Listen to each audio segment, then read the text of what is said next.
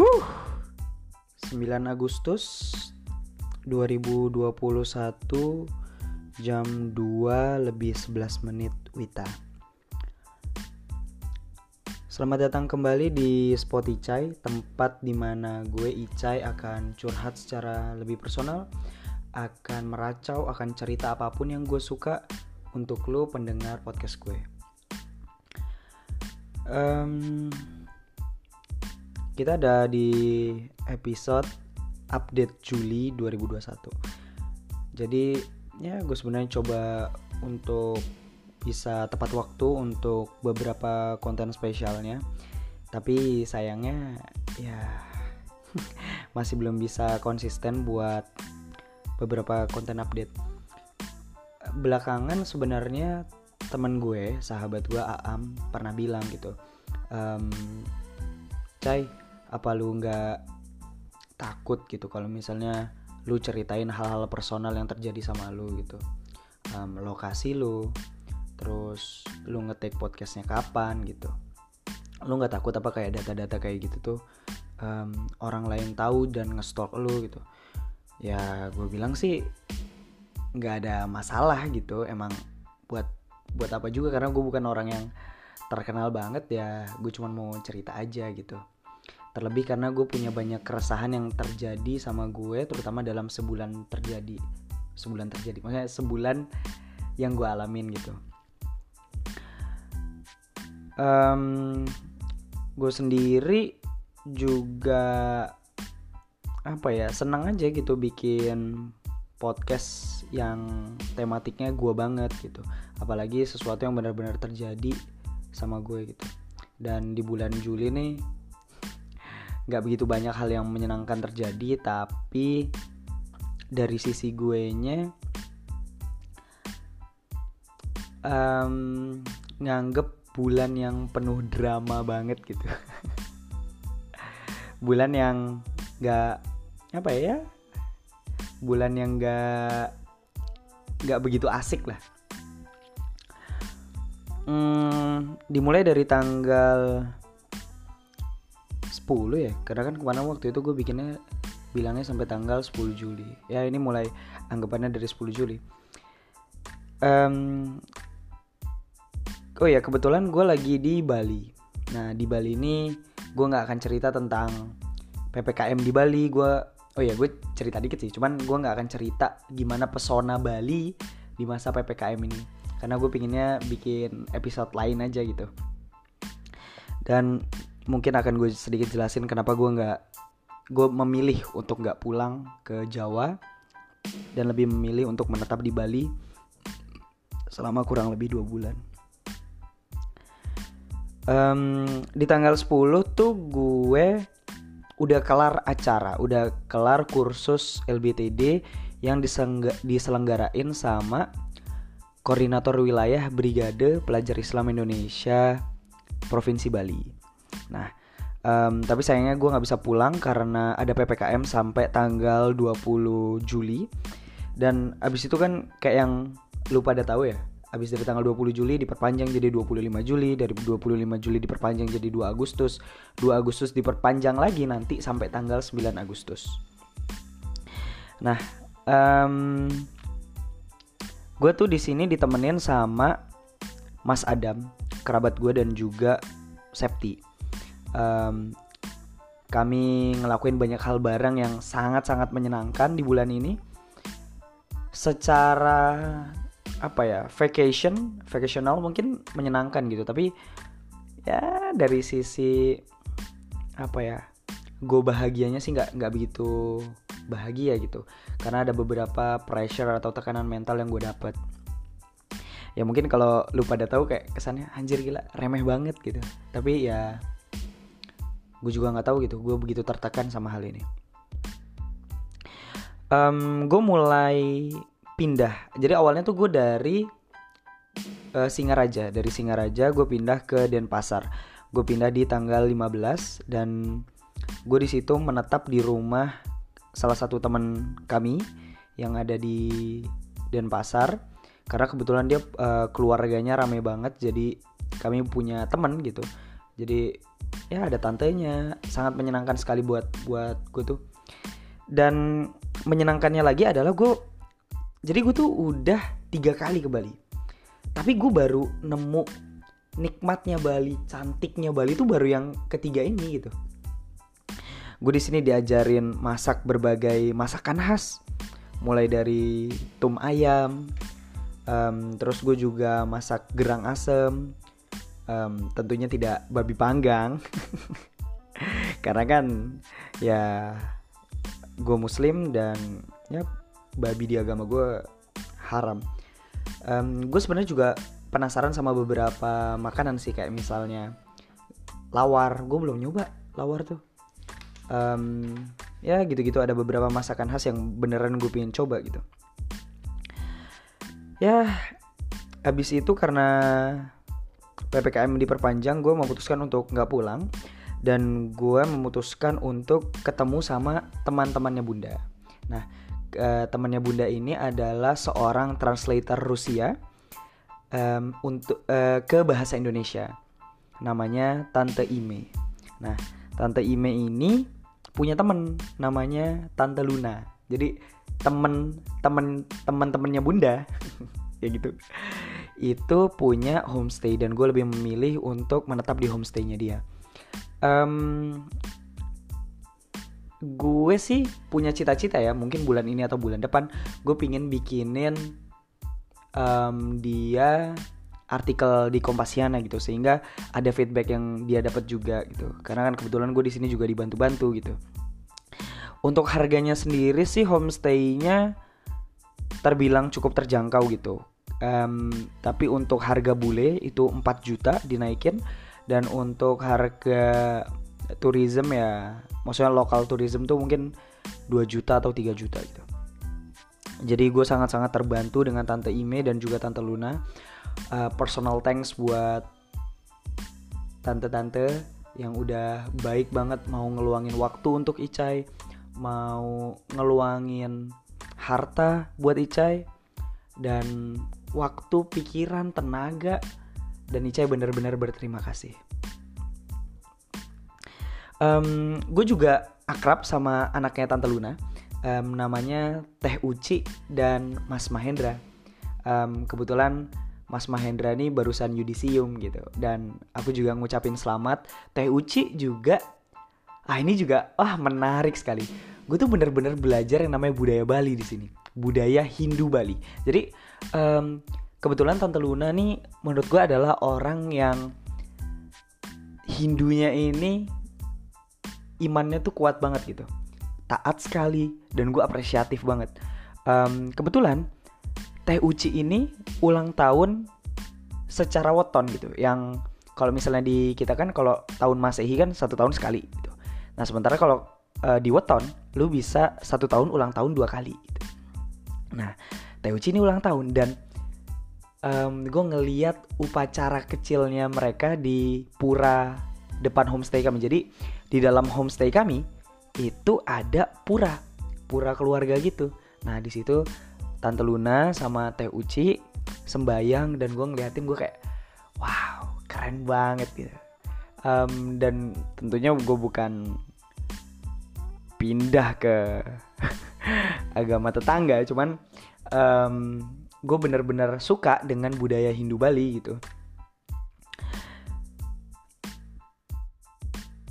Mereka akrab banget sama gue kayak Teuci dan Mas Mahendra gitu. Maksudnya mereka yang kayak nyambut gue ngajak gue ngobrol nggak yang kayak apatis gitu cenderung cuek enggak justru mereka yang baik banget nanyain Ica udah makan belum?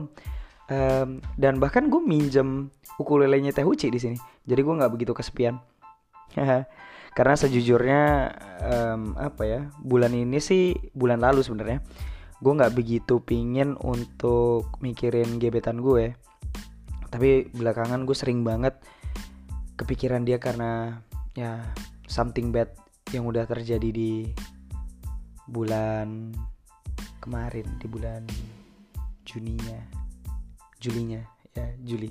Ha ya itulah. Um, dan gue coba tipis-tipis untuk bisa baca tasawuf modern buku dari Buya Hamka. Um, sebenarnya kalau dibilang apa ya gue juga pengen bikin review bukunya sih. Yang jelas tuh dia berbicara tentang konsep kebahagiaan gitu. Hmm, menarik sekali bukunya. Um, Buya Hamka tuh ngelontarin berbagai pendapat sufi berbagai pendapat para sahabat tentang kebahagiaan gitu. Jadi um, kita pembacanya nggak terlalu merasa dihakimi gitu dengan konsep kebahagiaan kita sendiri. Um, di bulan Juli juga gue nyoba yang namanya mobilisasi masa digital. Um, Mas Adam dan Septi kami bertiga butuh um, pemasukan untuk bisa hidup di Bali.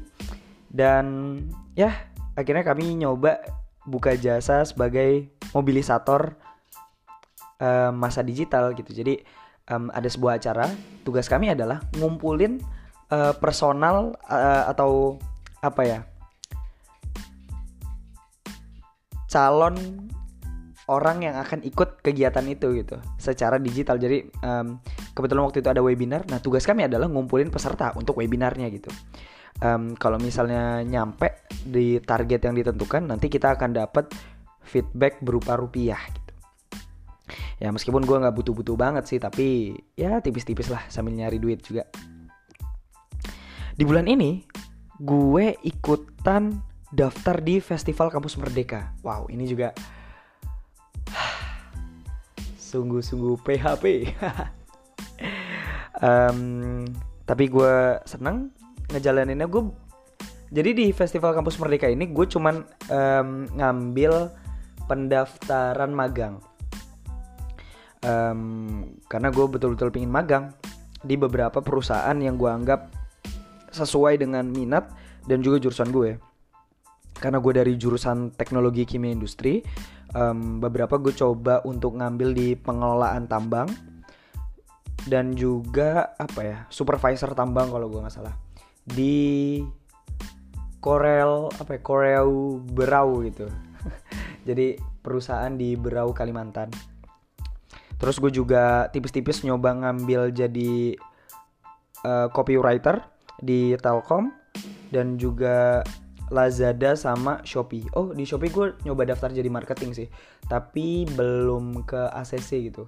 Katanya sih CV gue masih dalam seleksi, tapi kan harusnya ya um, tanggal 7 kemarin tuh hari ini ya. Tanggal 7 itu sudah pengumuman, 7 Agustus tuh sudah pengumuman gitu. Tapi kok sampai sekarang masih belum pengumuman gitu. Jadi gue agak-agak ya mikir juga apa jangan-jangan persatuannya mau bludak sampai nggak bisa pendaftaran ini apa gue kena PHP lagi nggak tau lah tapi gue benar-benar berharap dan gue butuh pengalaman magang ini untuk bisa lebih berkembang untuk bisa um, apa ya lebih mandiri dan bisa ngejar karir yang gue pinginin. Dan itu gue juga saranin ke lu gitu. Kalau lu pingin untuk ngejar karir usahain lu sering-sering ikutan magang di perusahaan yang mungkin lu dambakan gitu. Sehingga ketika lu ada di perusahaan itu lu nggak kaget gitu. Lu punya pengalamannya um, lu punya relasinya dan ya yeah, um, something good will happen on you um, terus di bulan ini juga gue belum vaksin. Gue udah nyoba mau vaksin dan di PHP tiga kali. Di Bali nih um, ya gimana ya? Padahal gue udah nyoba daftar lewat sistem yang ada di Bali namanya Speed ID tapi sayang banget gue udah coba daftar. Ada estimasi waktu kapan harus datang. Gue datang tepat waktu dan sudah beres-beres kecewa sekali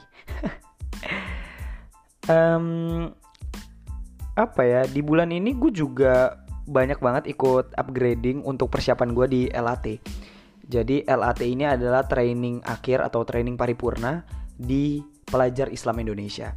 Buat lo yang nggak tahu pelajar Islam Indonesia, pelajar Islam Indonesia atau PI adalah organisasi yang bergerak di bidang pendidikan. Um, kami teman-teman PII punya tujuan yaitu kesempurnaan pendidikan dan kebudayaan yang sesuai dengan agama Islam untuk rakyat Indonesia dan umat manusia. Gitu. Um, jadi gue harus nyempurnain training gue dulu dan mungkin gue akan balik ke Jawa um, di bulan September atau akhir Agustus ini. Tapi gue berharap sih awal September sih. Um, dan di bulan ini dan di bulan Agustus ini harusnya gue udah mulai kuliah harusnya. Jadi gue akan ngejalanin beberapa hal yang berkaitan sama kuliah gue entah itu registrasi ulang um, dan mungkin pengenalan dosen baru dan segala macamnya gitu gue sering banget ikut upgrading di sini uh, tentang konstitusi yang ada di PII, tentang keilmuan-keilmuan yang ada di PII, dan hal-hal ini gue lakuin untuk gue supaya siap ikut di training ini. Training di bulan ini karena kan upgradingnya di bulan Juli ya. Gue sering banget diskusi sama orang-orang hebat yang ada di Bali di sini terutama dari ex media dan pers PBPI kita diskusi tentang apa ya kelembagaan yang ada di PII gitu terutama dari sisi eksternal um, gue juga banyak diskusi sama ketua umum PI Bali. Um, dia bilang eh ini kalimat gold banget. Dia bilang um, wujud dari kita ber-PI atau kita berjuang itu adalah pengabdian gitu. Karena kalau di benak kita masih ada pikiran-pikiran pragmatis um, di mana kita pingin ada balasan atas apa yang kita perjuangkan itu kita berjuang gak ikhlas gitu justru kalau wujudnya itu adalah pengabdian untuk memberikan yang terbaik untuk memajukan pendidikan yang ada di Indonesia tanpa mengharapkan imbalan apa pun rasanya akan jauh lebih bahagia. Itu kata dia sih. Dan gue juga merasakan kesenangan itu gitu dalam gue berPI um, ya terus gue juga bicara sama kepala bidang kaderisasi PI Bali. Karena kebetulan dia itu adalah um, mantan anggota komunitas stand up Bali gitu. Dan gue apresiatif karena dia setelah ketemu di PI dia keluar gitu. Terus gue bingung karena kenapa keluar? gitu. Gue tanya kenapa bang keluar? Kata dia um, aku tuh karena aku keluar karena aku di PII udah menemukan wadah yang cocok bagi aku. Anjir gila. Padahal jauh banget gitu. Karena kan kalau di stand up kalau ngejob kan dapat duit ya. Kalau di PI kan wujudnya itu pengabdian gitu. Nah yang gue bingung adalah kok bisa dia keluar gitu? Kalau gue sih pinginnya sih ngejalanin aktivitas gue ber-PI dengan stand up jadi gue nggak kehilangan duitnya gue juga nggak kehilangan keilmuannya gitu. Dan ya diskusi-diskusi um, itu melahirkan banyak pemikiran-pemikiran baru di kepala gue. Uh, gue banyak terinspirasi dari mereka. Bahkan um, diskusi gue dengan ex PBPI pengurus besar gue cantumkan gue tuliskan dalam bentuk karya tulis atau laporan gitu. Um, dan itu cukup menyenangkan buat gue karena ada keilmuan baru yang gue dapat dari Bali dan ya nggak sia-sia tentunya. Gue banyak belajar di sini um, omong-omong gue juga mau bilang sebelumnya uh, maaf kalau misalnya di episode ini mungkin gue beberapa kali bahas tentang organisasi yang gue ikutin. Karena sejujurnya emang di bulan ini gue dipadati oleh aktivitas apa ya aktivitas training? Aktivitas menjelang training lebih tepatnya. Um, dan gue juga mulai pikir-pikir lagi apakah gue harus ngambil cuti atau enggak karena ya sebenarnya gue masih berharap bisa keterima di kegiatan festival kampus merdeka. Tapi kan sayang sampai sekarang belum ada kabar baik ya. Kalau misalnya nanti dalam dua hari atau tiga hari ke depan gue dinyatakan keterima mungkin gue akan um, lepas tangan dulu untuk masalah kuliah gue. Tapi gue benar-benar pengen ngelanjutin.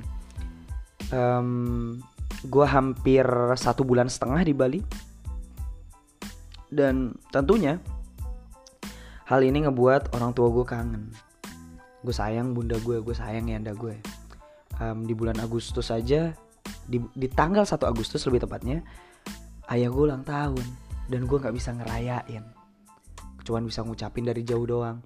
Dan gue ya bersyukur kami masih dikasih umur panjang masih dikasih umur masih dikasih kesehatan gitu. Um, untuk bisa melewati masa-masa pandemi ini gitu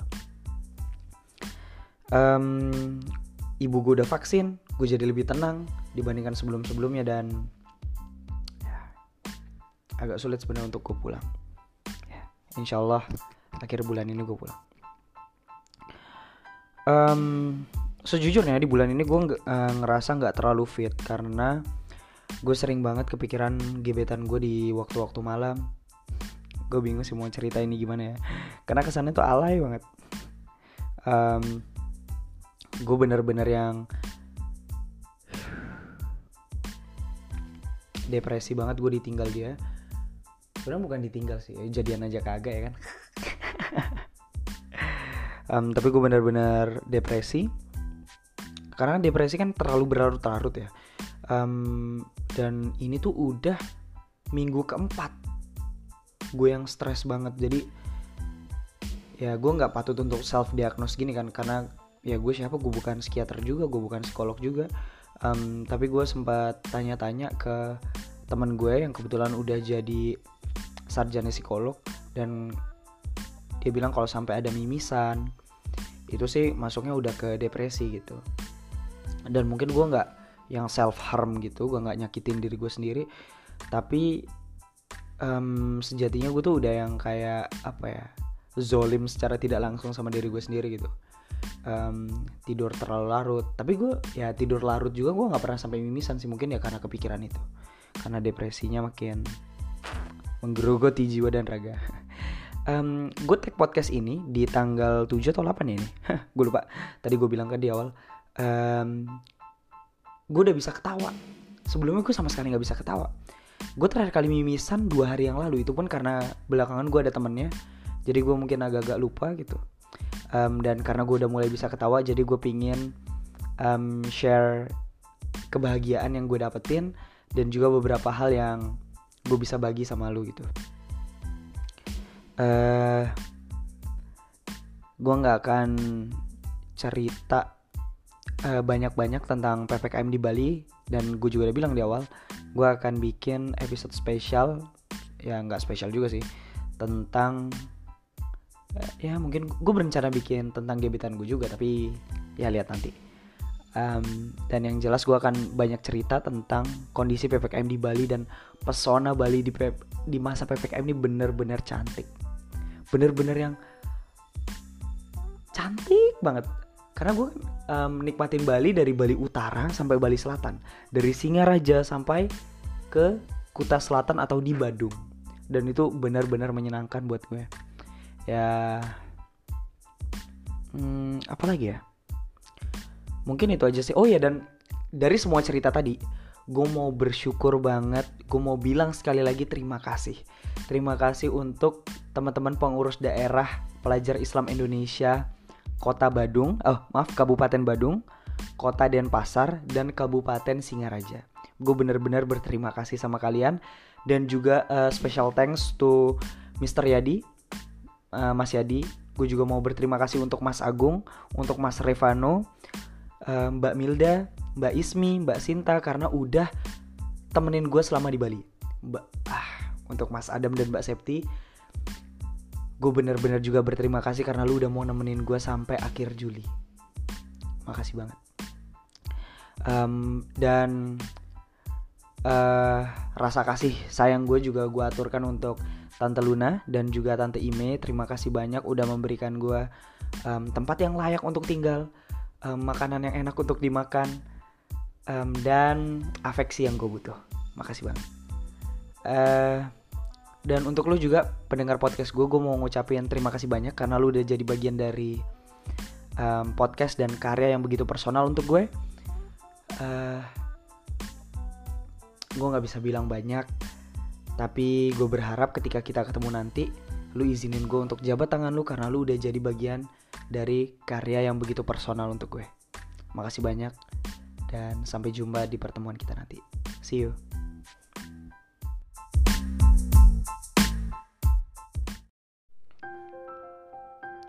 Aku lahir di Jakarta, batu bata di atas tanah sengketa. tempat si pitung mati dalam cerita, di mana mulut berkoar saling membantah. Tanah ini mengajarkanku kerasnya ibu kota. Aku besar dalam keluarga yang kecil, melewati jalan yang kadang-kadang tak berhasil. Tapi aku percaya Tuhan adalah adil dari segala andil. Ia mempertemukan kita dengan cara yang paling mustahil. Aku besar dengan raskin yang tak bertambah. Jika tubuhku dibelah, isinya hanyalah kebijakan-kebijakan pemerintah. Mereka mengambil semua bagian kecuali hati dan akal karena di situlah kusimpan dan kutemukan dirimu kekal.